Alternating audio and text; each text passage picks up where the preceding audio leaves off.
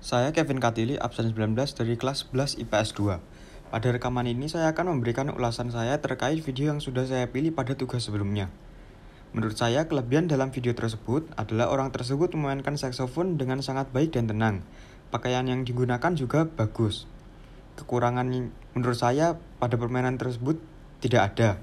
Namun pemilihan tempat untuk bermain menurut saya kurang bagus, dikarenakan menghasilkan gema yang cukup mengganggu bagi saya.